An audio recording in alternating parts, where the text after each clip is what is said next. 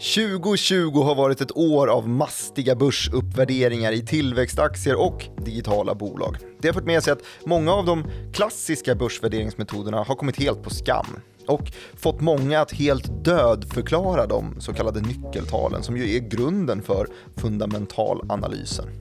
Värdeinvesterarna har med förgrundsfiguren Warren Buffett i spetsen fastnat i björnidet under hela 2020 när marknadens aktier blivit allt dyrare och den vinst som kan väntas per investerad krona fallit allt längre från vad vi brukar kalla för verkligheten i alla fall. Hur blev det så här? Vad var det egentligen som hände under 2020 och är det en ny normal vi nu får anpassa oss efter eller kommer konventionella investmentmoguler återigen gå vinnande ur en ny stundande finanskrasch? Den frågan ställer vi oss i podden som ju heter Follow the Money, en podcast om just makt, storfinans och börsen av och med mig, Martin Nilsson, och utrikesredaktören Joakim Rönning. Hej på dig! Tjena, tjena!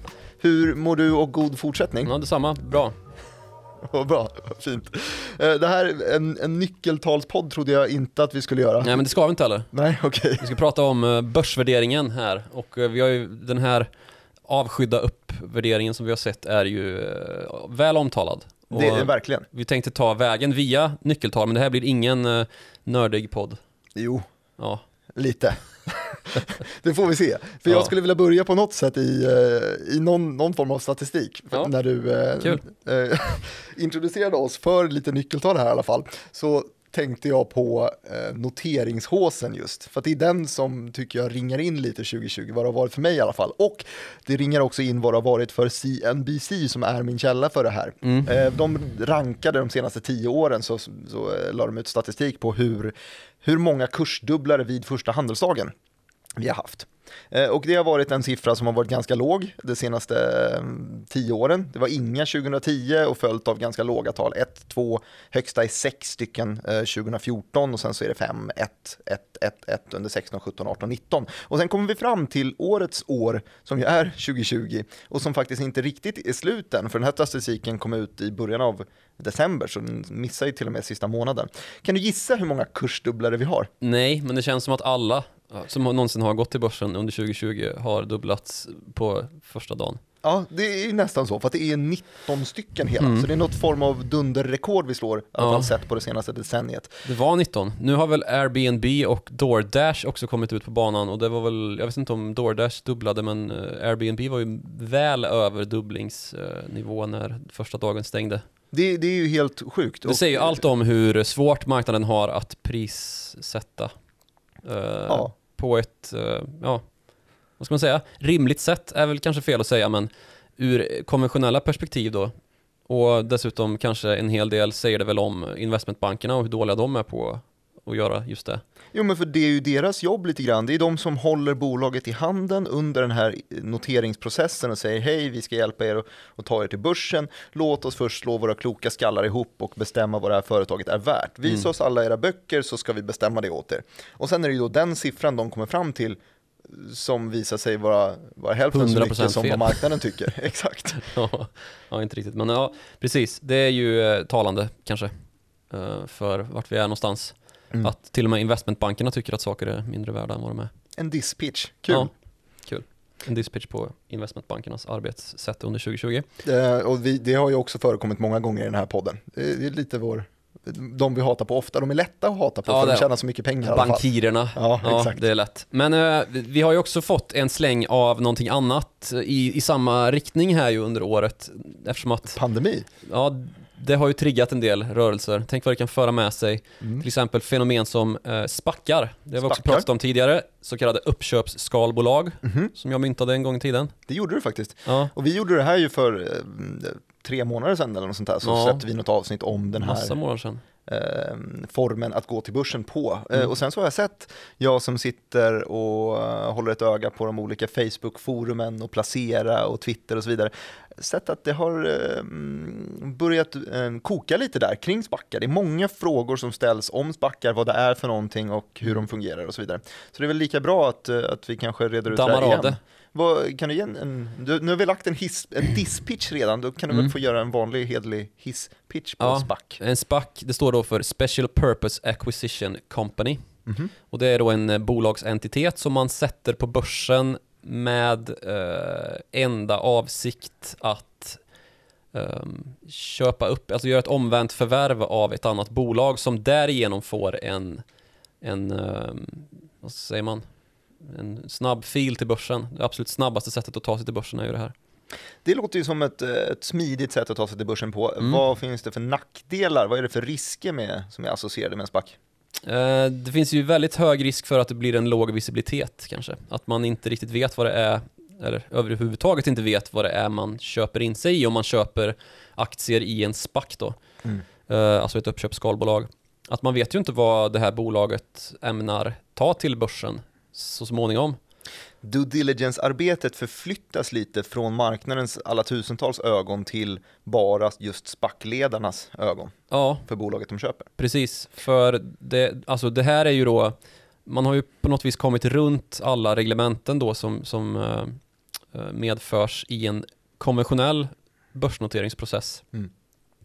Och ja, det, det, är väl vad det är liksom. Men det finns väl både bra och dåliga exempel på eh, SPAC-noteringar, alltså inte SPAC-noteringen i sig, men när det här omvända förvärvet görs då och bolag som till exempel Nikola tas upp i en SPAC och det går åt pipan som det ju gjorde för dem. Mm. Det här vätgaslastbilsutvecklingsföretaget som bara hade lite skisser verkar det ju som, om ens det, som de hade köpt in kanske. Mm. Och den här stora skandalen med eh, blankningsrapporten som väl visade sig stämma till alldeles för hög grad för att uh, marknaden skulle godkänna bolaget vidare. Mm. Och det är ju, det, den aktien har ju kraschat efter en ganska mastig uppvärdering i början mm. uh, av dess livstid på börsen. Men det här har ju visat sig bli ett år av frejdiga, frejdig noteringsverksamhet, innovation i IPO, alltså börsnoteringsprocesser, mm och för eh, affärsmodeller som inte bär sig här och nu. Um, ja, för varför, om vi stannar spackar en liten stund till, så mm. varför tror vi, eh, och jag, jag, ställer frågan, men jag har nämligen en, en, en idé om varför ja. just spackar har blivit så, eh, så populära. Så och det är att man ser den här siffran, man ser att 19 bolag kursdubblar mm. sig vid eh, introduktionsdagen och då vill man komma till börsen snabbt, så snabbt det bara går. Om, framförallt om man befinner sig i en bransch som är jäkligt hypad. Vi har sett eh, techbolagen som har gått väldigt bra under corona pandemin när man har jobbat hemifrån, alla typer av cloudbolag och eh, SaaS-bolag och e-tjänster och så vidare. Mm. Eh, och då vill man snabbt komma till börsen som ju uppskattar den här typen av företagsidéer. Samma sak med typ, som du nämnde Nikola, den typen, den elfordonsbranschen har ju också exploderat. Mm. Sitter man då och är eh, innehavare av ett gäng eh, elfordonsritningar så kanske man vill passa på och ja, det är ju exakt det det handlar om. Och det, det kan vi ju bara konstatera utifrån Tesla. För det är ju Tesla som har dragit igång den här cirkusen såklart. Mm. Inte med spackar och så, men med extremt höga värderingar mot konventionella mätmetoder eller vad man ska säga. Mm. Att Teslas aktie är ju, den är ju inte på, den är inte på samma liksom, världskarta som gamla verkstadsbolag som, som ju var innovativa någon gång i tiden. Mm. Men som idag ligger till typ P-tal på kring 10-20 kanske. Mm. Och det är högt liksom för, eh, om man tittar bakåt i historien, mm. så ligger ju Teslas, nu ska man vara lite noggrann då med vad sådana här PE-tal som vi kanske ska förklara närmare. Ja, PE-tal säger man ju, det är price, price earnings, price delat på earnings, alltså priset ja. delat på vinsten. Eh, alltså svaret på eh, den här ekvationen price genom earnings är eh, hur mycket du betalar för vinsten i företaget och det har varit ett nyckeltal som folk som är intresserade av vinst varit ganska intresserade eh, av, ja. Eh, kan man väl säga. Eh, så om, om du har ett bolag med PE-tal 10 mm. så räknas det med att du ska kunna få tillbaka dina pengar i investeringen då genom vinster de närmaste 10 åren. För att du betalar 10 kronor per årets vinst. Mm. Eh, och sen så finns det lite olika typer av P tal. Man kan, man kan titta på det gångna årets eh, vinst. Eh, man kan kolla på det um, framtida, framtida mm. vinsten, alltså vad analytikerna tror. Och då blir det ännu lite mer osäkert om man, oh. eh, försöker prisa in typ 2020s vinst även om 2020 inte Säger är klart man trailing PE är väl det ba, nu bakåt i tiden liksom. Och Exakt. future PE är framåt i tiden helt enkelt. Och det här har ju varit någonting som man verkligen har, eh, har lutat sig mot och det har varit ett, som vi sa i, i introt också, en, en grundsten i den fundamentala analysen som mm. har bestått väldigt mycket av just att man, man kikar på kassaflöden. Alltså, eh, en typisk grej som jag kommer ihåg att jag lärde mig eh, bland de första åren på universitetet om man skulle kolla på hur man värderar en option eller en aktie och så vidare. Och då började man med bolaget och så sa man att ja, men värdet på ett bolag är summan av alla framtida vinster mm. fast diskonterade till dagens värde. Så man ska helt enkelt kunna liksom mappa ut hur mycket pengar kommer det här företaget tjäna under företagets livstid. Och det är väl där i man får, eh, kan koppla det till PE-talet också, för det är ju som ett litet snapshot av ja, men hur ser det ut på det där just nu, hur är intjäningsförmågan egentligen? Men det här funkar ju såklart bara på bolag som tjänar pengar. Mm. Eh, och det vi har sett i i kriser, eller ja, innan kriser får man säga, i HSer, ehm, så har vi sett att man, man lämnar det här, du sa trailing PE, alltså det som har skett. Det, man Helt vet exakt, exakt, man lämnar det och så blickar man framåt. Så kollar man först kanske på ja, men framtida vinster, framtida vinsterna för 2020, 2021, 2022 och sen så börjar man istället kika på ja, men, eh, hur kommer det här se ut? Eh, riktigt långt framåt i tiden. Jag tycker ett, ett superexempel på företag som är extremt framåtblickande, det är ett exempel vi har tagit upp tidigare i podden också, och det är när Uber skulle till börsen. Mm. Och Uber i sitt IPO-prospekt inte ens mappar ut dagen de kommer göra vinst. Mm. Utan det finns, de bygger hela företagsmodellen så på att de ska bara driva tillväxt, de ska bara trycka på att omsättningen, de ska bli så stora som möjligt, för de är ju liksom en, en plattform som är så extremt skalbar. Så att dagen då man börjar välja då att göra vinst så ska man kunna göra så extremt mycket vinst att man täcker upp alla de här hålen som, man, man, man blöder ju pengar under liksom, eh, tillväxtåren och mm. att det är en del av planen och då tappar man liksom förankringen i PE-tal också. Och det är kanske där man ställer sig då frågan, är det rimligt att värderas eh, efter PE idag? Ja, för Tesla då, som jag, om jag ska återknyta ihop den säcken, uh, har ju ett PE-tal som ligger på typ 600 kanske?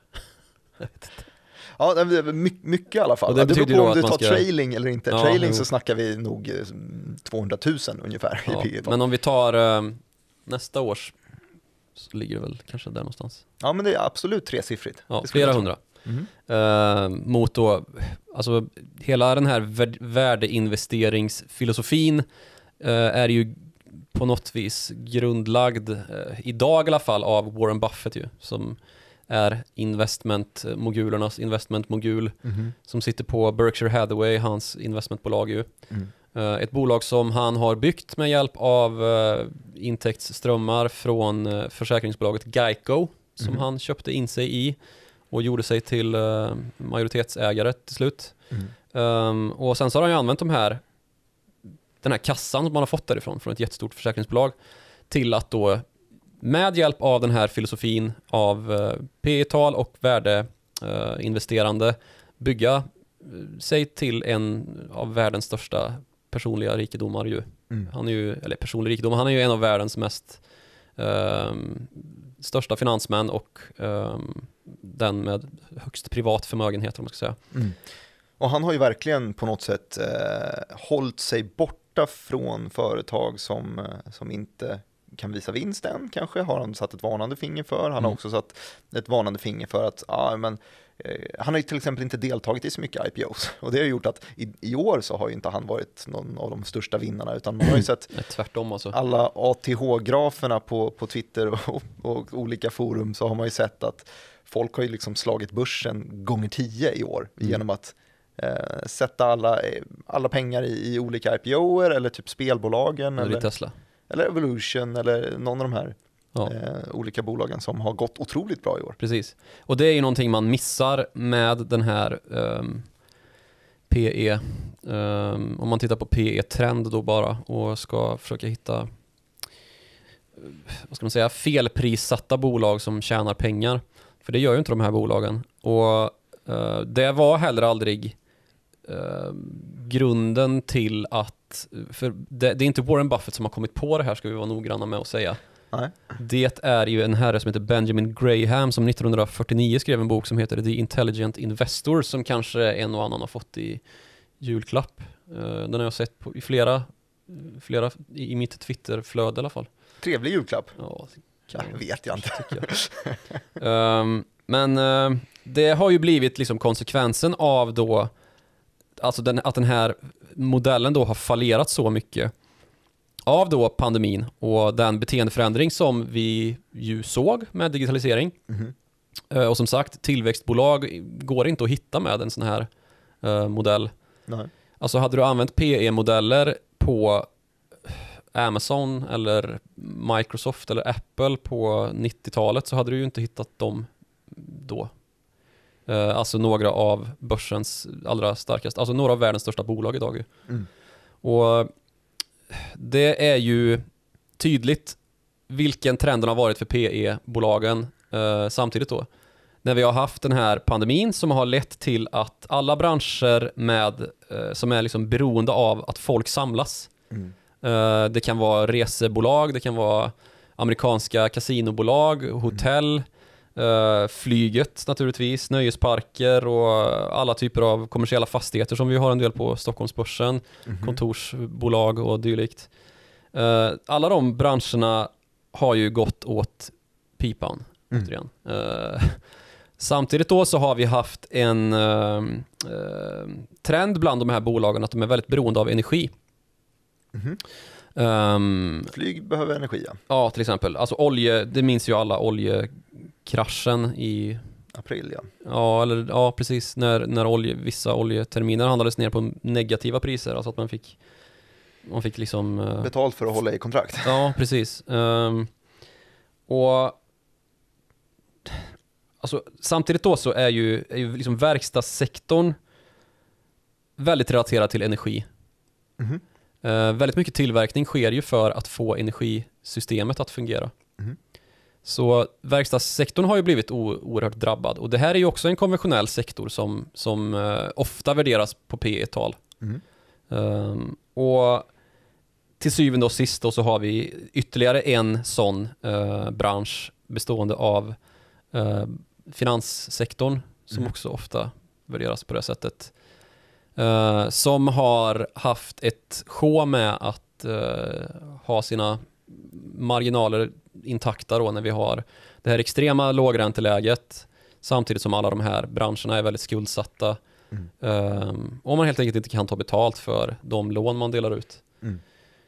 Så där har vi väl liksom det fundamentala bakom att vi kan säga att eh, värdeinvesterarna med Warren Buffett i spetsen har gått i ide och helt gått bort sig under 2020. Mm. Uh, för man har ju inte kunnat hitta då de här som du nämnde, uh, Uber och Airbnb och dylika liksom plattformsbolag mm. vars affärsmodeller är helt liksom nästan oberoende av den fysiska världen. Mm. För de kan eh, tjäna pengar överallt och när som helst. Um, eller tjäna pengar. De kan jo, få just... intäkter, de kan sälja sina grejer mm. uh, dygnet runt, runt hela jorden.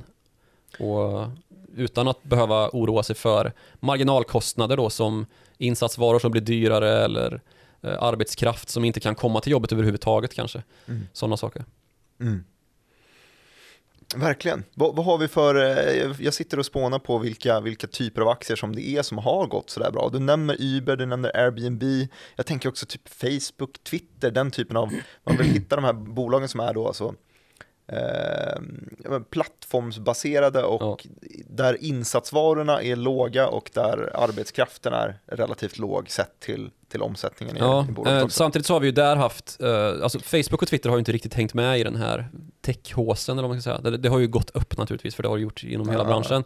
Men man har ju blivit distanserad av många bolag och det har ju kanske att göra med att man har en eh, eh liksom reglement, eh, alltså du, inte, vad heter det?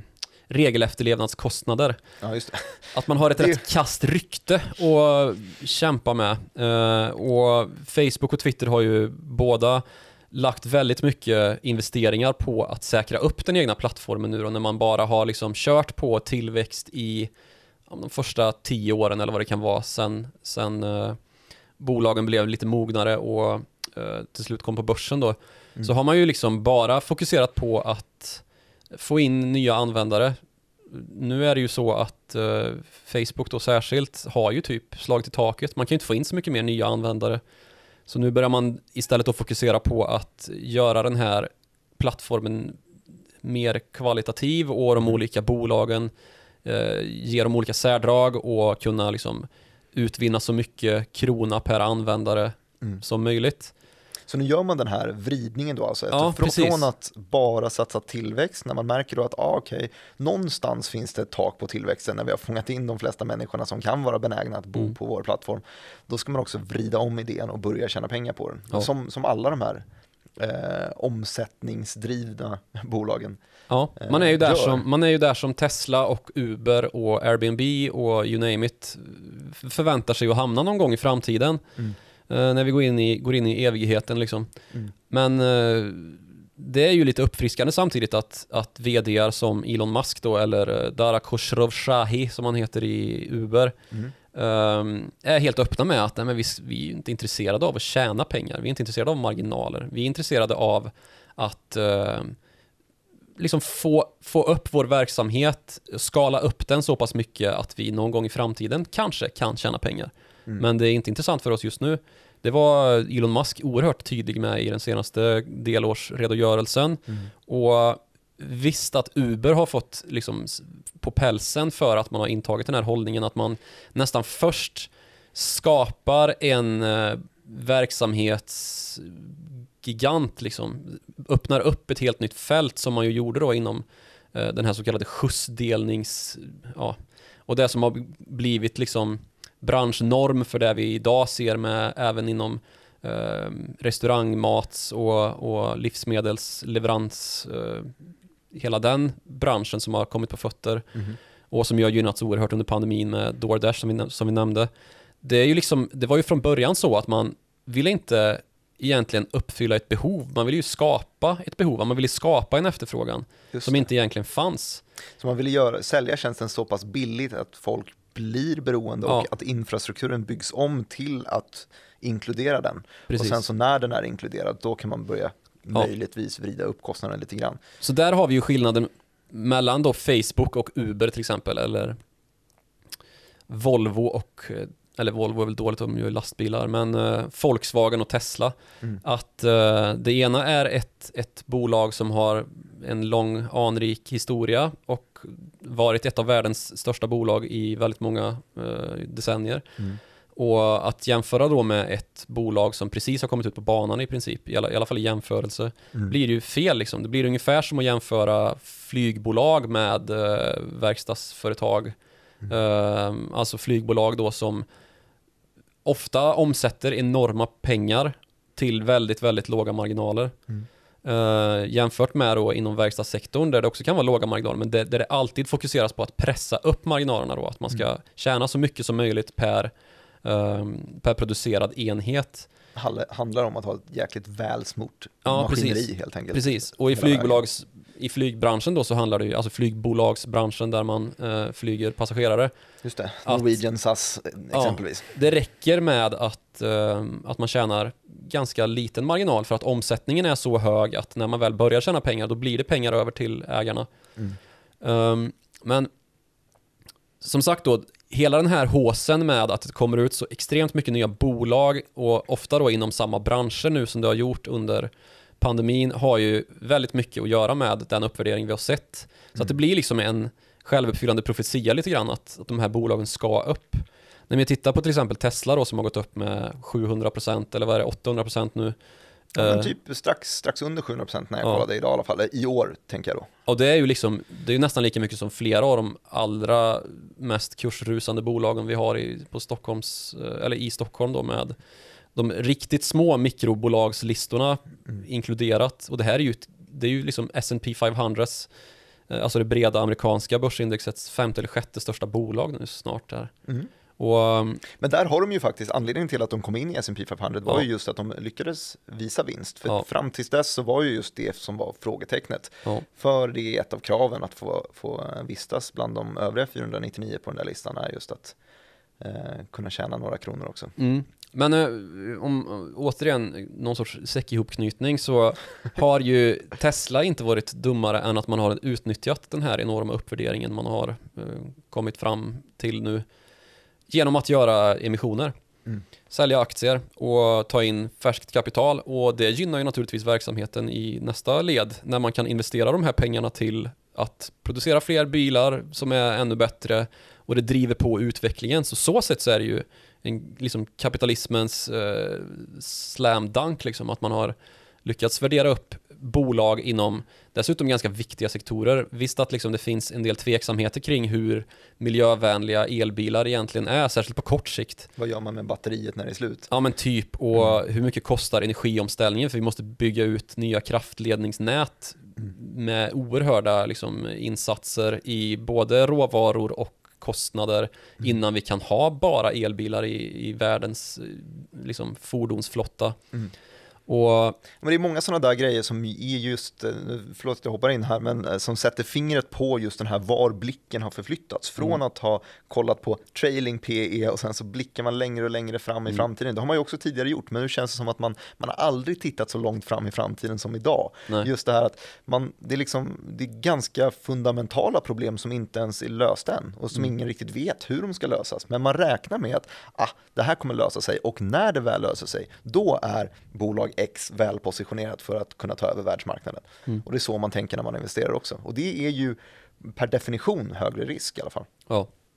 Ehm, men som sagt, bra att vi har fått fokus mot viktiga branscher då framgent här med, vi har ju liksom sett gigantiska uppvärderingar inom alla typer av gröna energisektorer med sol, sol vind och eh, Ted Gärdestad-aktierna. Ted Gärdestad-aktierna plus vätgas Ja, just som det. ju är relaterat. Mm. Där har vi ju, det är ju helt Ja, där fick vi faktiskt... eh, otroligt vad de här småbolagsaktierna går alltså. Ja, men det var ju till och med, det började väl typ 2019 som Ja, eh, Det gjorde det väl. igång eh, Men- med PowerCell och så vidare. Ja, precis. Eh, och nu har vi ju de här stora liksom, stödprogrammen som ju också prisas in, alltså stödprogram i form av EUs 750 miljarder doll, eh, euro som ska pumpas in i Som jag nämnt ett par omställning av, gånger i podden också ju. ja, omställning av eh, energisystem och dylikt. Så det är klart att det går upp, men det är ju trots det väldigt mycket förhoppningar i en ganska, eller helt oprövad sektor. Mm. Och det är ju som sagt inte första gången vi har vätgas på tapeten. Eh, Nej. Och nu får man ju se till, nu, är- nu är det ju liksom, eh, måste man ju få det här att funka. Vad, vad är tipset till, till Warren Buffett då? Tror du, att, eh, tror att det är han som kommer gå vinnande ur det här eller den typen av investerare eller, eller har de, måste de anpassa sig för att eh, överleva på finansmarknaden? Alltså vi vävde ju in där att det kanske blir eh, att de, vi har ju varit i det här skedet tidigare i historien. Ty- Typ var tionde år ungefär brukar vi hamna där. Ja, Det var väl, alltså den här typen av PE-tal i alla fall, Ja, men eh, det- ja, såg vi väl kring 2007, toppen, vi såg det kring 2000, toppen. ja alltså den, den epok som jag vill gå tillbaks till och som liknar den här Hur epoken många ganska hundra år mycket. ska du gå tillbaka nu då? Eh, Tulpanhåsen. priset på en tåga Okej. har vi nämnt någon gång. Nej men. Ehm, färdigtramsat. Ja. Det är uh, 1999 00 Ja, just det. Uh, millennie, Bo.com. ja precis, millenniesmällen. Mm.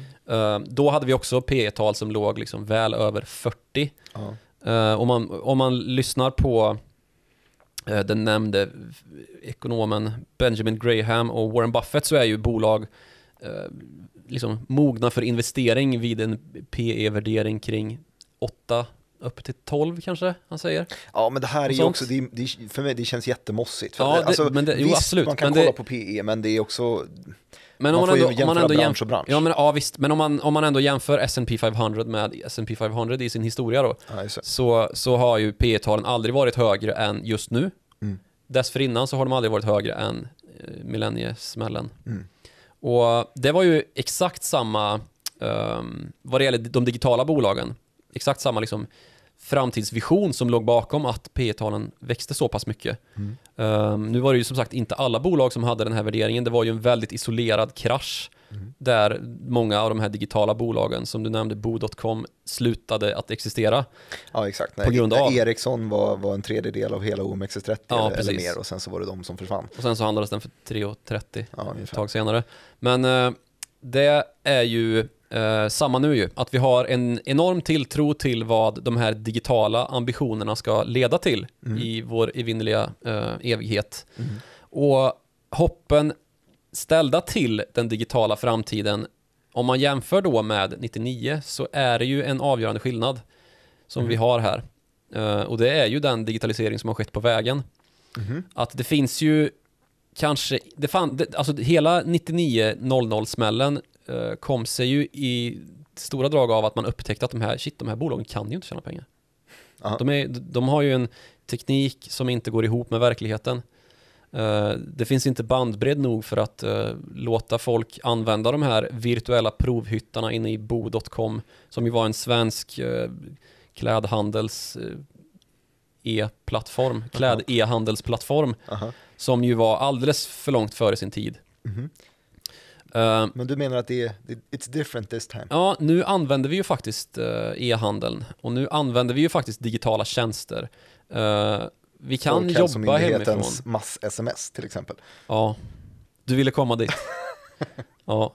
Men det finns ju faktiskt exempel på mass-sms-kampanjer. Det är ju inte superdigitalt heller med mass-sms. Men eh, där man har utformat Någon sms klart bättre jag... med en länk till exempel, så man kan vara lite digital. Så det är inte så digitalt med sms. Någon gång så sa jag ja till att uh, bli medlem på, på Brothers till exempel och de skickar ut sms hela tiden. Uh, mm. Ständigt konkursdrabbade, eller konkursvarslande kanske Brothers också i rb gruppen där. Uh, ja, de kan vi hoppa. kan vi hoppa. De skickar även ut länkar ja. i sms. Ska jag säga. Ja.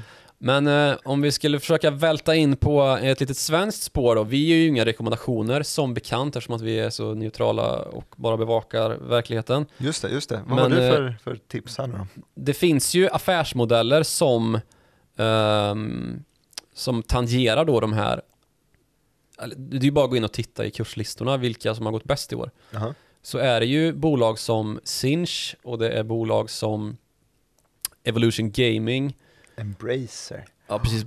Gamingbolag, alltså Evolution Gaming är ju ett kasino, live-kasino. Som bara heter Evolution numera. Okej, okay, sorry. Uh, och sen så har vi ju gamingbolag och ja, en del bettingbolag mm. som ju kanske gick in i Just betting gick ju in i 2020 med ganska så svaga jämförelsetal. Just det, man från ett drabbats av de här regleringarna Precis, 2019. ett tufft 2019 där man ju fick brottas med lite reklamförbud och såna här grejer. Mm.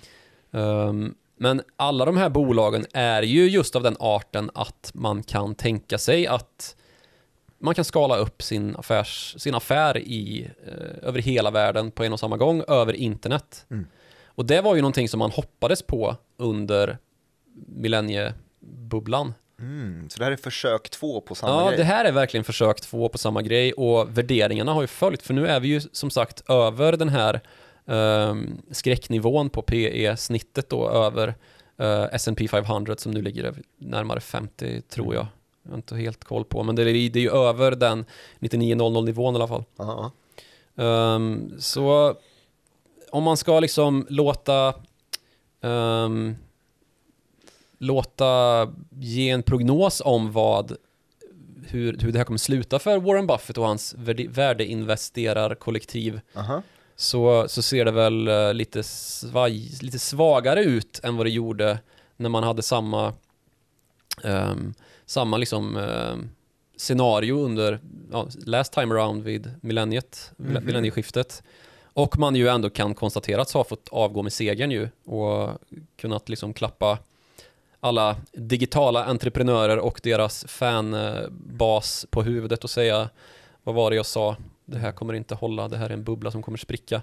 Jag är betydligt mer pessimistisk och håller nog mer på Warren Buffett här tror jag. Få höra. Ja, nej, jag du, är bara, bara, du bara gillar Warren Buffett. Ja, nej, men jag tycker nog att jag, jag, ser ingen verklighetsförankring i många av de här, av de här värderingarna, eh, känner jag. Eh, jag tycker att det är just det här för mycket framåtblickande eh, och helt enkelt för mycket pengar som ska få plats på börsen och då trycker man upp värderingarna och sen så råkar alla hamna i samma bolag också. Det är som att Eh, flocken följer samma håll eh, och det är samma typer av bolag som ska investeras i. Och det jag är mest rädd för det är kanske inte Evolution eller Embracer, liksom, den typen av bolag, utan snarare just nya typer av affärsidéer som drar nytta av den här håsen, mm. som hoppar in via en SPAC och man vet inte riktigt vad det är för någonting, om man ska revolutionera en industri där man inte ens förstår tekniken, vad det är som krävs och så ska värderingen helt plötsligt vara tre gånger H&M's värdering eh, efter första handelsdagen ungefär. Det är den typen av bolag, typ Nikola, som jag tycker att uh, det känns lite läskigt snarare. Böjsa Nikola. Ja, men det, det gjorde de väl själva också. Ja, de har ju verkligen ställt sig i skamvrån för, mm. för gott nästan. Eh, men ja, precis. Och eh, mycket pengar som eh, plötsligt bara ska kanaliseras in någonstans med de här eh, Alltså, vi har ju ett ränteläge och titta på också med eh, Federal, Centralbanken, Federal Reserve. du har problem med ABC.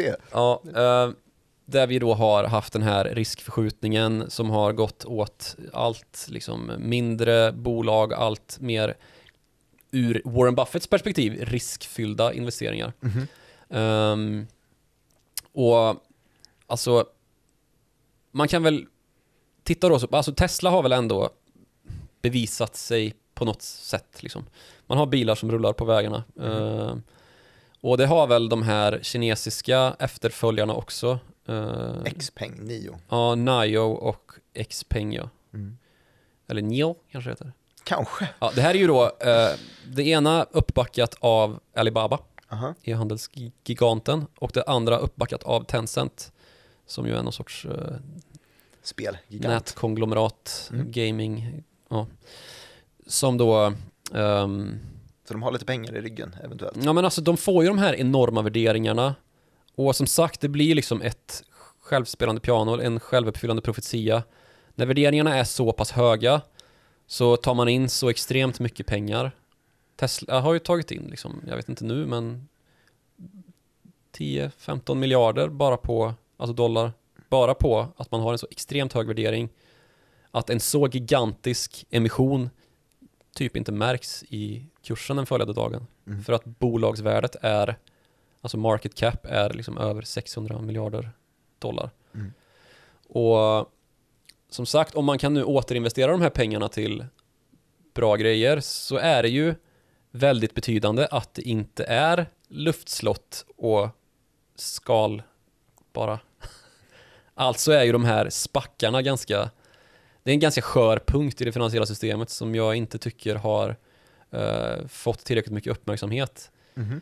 Eftersom att det då blir en snabb fil som kanske är lite väl snabb och uh, att liksom Nikola får vara ett lex Nikola som man brukar säga när det liksom uh, har varit en väldigt framträdande händelseutveckling kring en viss fråga. Mm. Um, nu verkar det ju inte som att det har liksom avskräckt SPAC-investerare som ju nästan har gått fram då kring de här olika eh, finansmännen och eh, hedgefondmäklarna som har liksom kommit på det här spåret. Bill Ackman och eh, Shamath eh, Palihapitiya finns det en kille som heter som har blivit väldigt framträdande inom det här. Och man, till, man tillmäter liksom de här snubbarna all typ av um, bakgrunds... Att, att de har någon sorts liksom, trollspö mm.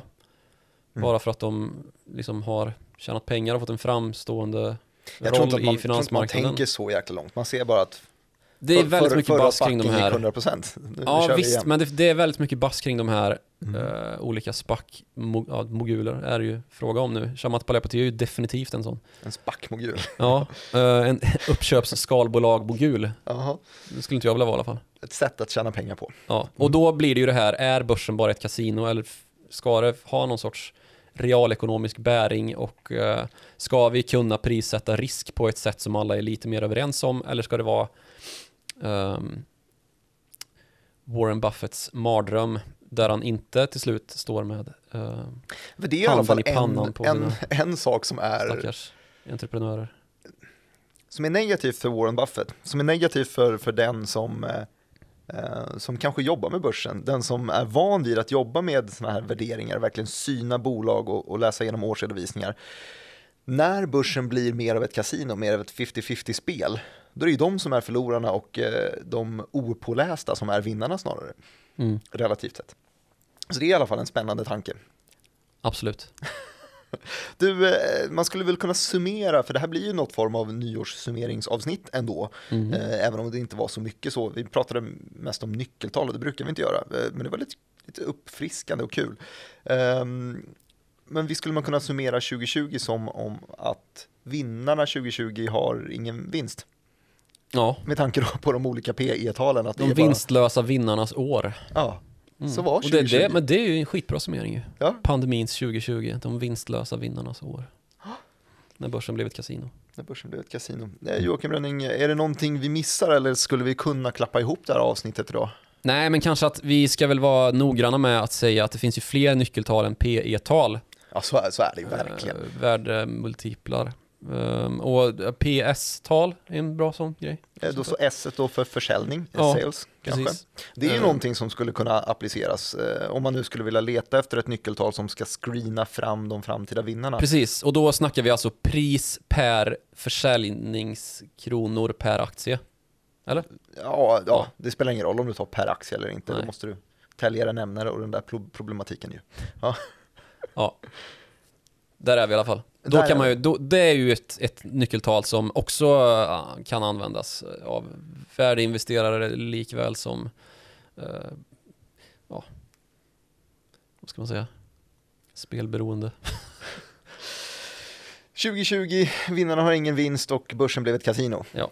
Kul! Tack så mycket för att ni har lyssnat på dagens avsnitt eh, som ju handlade om precis det där. Vi gick igenom någon form av eh, IPO-hås här i början när jag berättade att vi fick eh, statistik från CNBC som sa att 19 stycken kursdubblare på första börsdagen har vi haft under 2020 hittills, så det kan nog ha varit fler. Du nämnde att DoorDash har kommit efter att den där statistiken har Airbnb också. Airbnb också efter att den eh, sammanställdes. Eh, och det här fick ringa in någon form av just IPO-hås vi har sett. Vi kopplade på SPACar där, de här uppköpsskalbolagen, till exempel sättet som Nikola kom till börsen på, vilket eh, är ett bevis för att man kanske inte har lika stor vikt på due diligence, alltså att vända och vrida på, på vad det är för bolag egentligen innan det kommer till börsen och man gör det investeringsbart för den stora allmänheten. Vi fick en dispitch på investmentbankernas oförmåga att räkna. Eh, vi pratade väldigt mycket elfordonshås, dels då på vätgassidan eh, så snackade vi typ Metacon och Powercell och så vidare, de som har har fått mycket hås under 2019 också, men framförallt Tesla, Xpeng, Nio, eller Nio, eller Nio, Eh, vi snackade om PE-förfallet i koppling till de här bolagen eh, och jag sa väl ungefär vad ett PE-tal var. Vi får se eh, om jag, jag ska lyssna på det här i efterhand och se om jag sa rätt eller inte. Men det är alltså price earnings. Vi snackade om Warren Buffett som var en förespråkare för den här typen av sätt att värdera bolag på, just att använda sig av den nyckeltalen man hittar. Vi snackade om de bolagen som man kanske hade missat om man hade screenat på PE. Då, då snackar vi Uber, Airbnb och så vidare som kanske har mer fokus på det senaste nyckeltalet vi snackade om, eh, sales istället. Vad man betalar för eh, antalet försäljningskronor eh, man har. Eh, och så avslutade vi alltså med att eh, vinnarna 2020 inte hade någon vinst. Ja, vi kan också avsluta med att eh, Warren Buffett har under året investerat i sin första eh, börsnotering sedan 1957 när Ford gick till börsen. Han kanske har ändrat sig lite grann då. Det kanske är ett tecken i tiden vart vi är någonstans. Mhm. Tack så mycket för att ni har lyssnat. Man kan höra av sig till oss på followthemoney@direkt.se. Man kan också twittra och tagga in snabel Joakim Ronning. Eller snabla direkt Martin. Det kan man göra. Eh, ha det så fint, sätt ett betyg på appen eh, som ni lyssnar via. Skriv en recension, Det ska man också så har göra. ni ett gott nytt år sen. Ja, eh, Belöna er med det. och god fortsättning. Hälsans 2021, vare med er. Verkligen. Hej. Hej.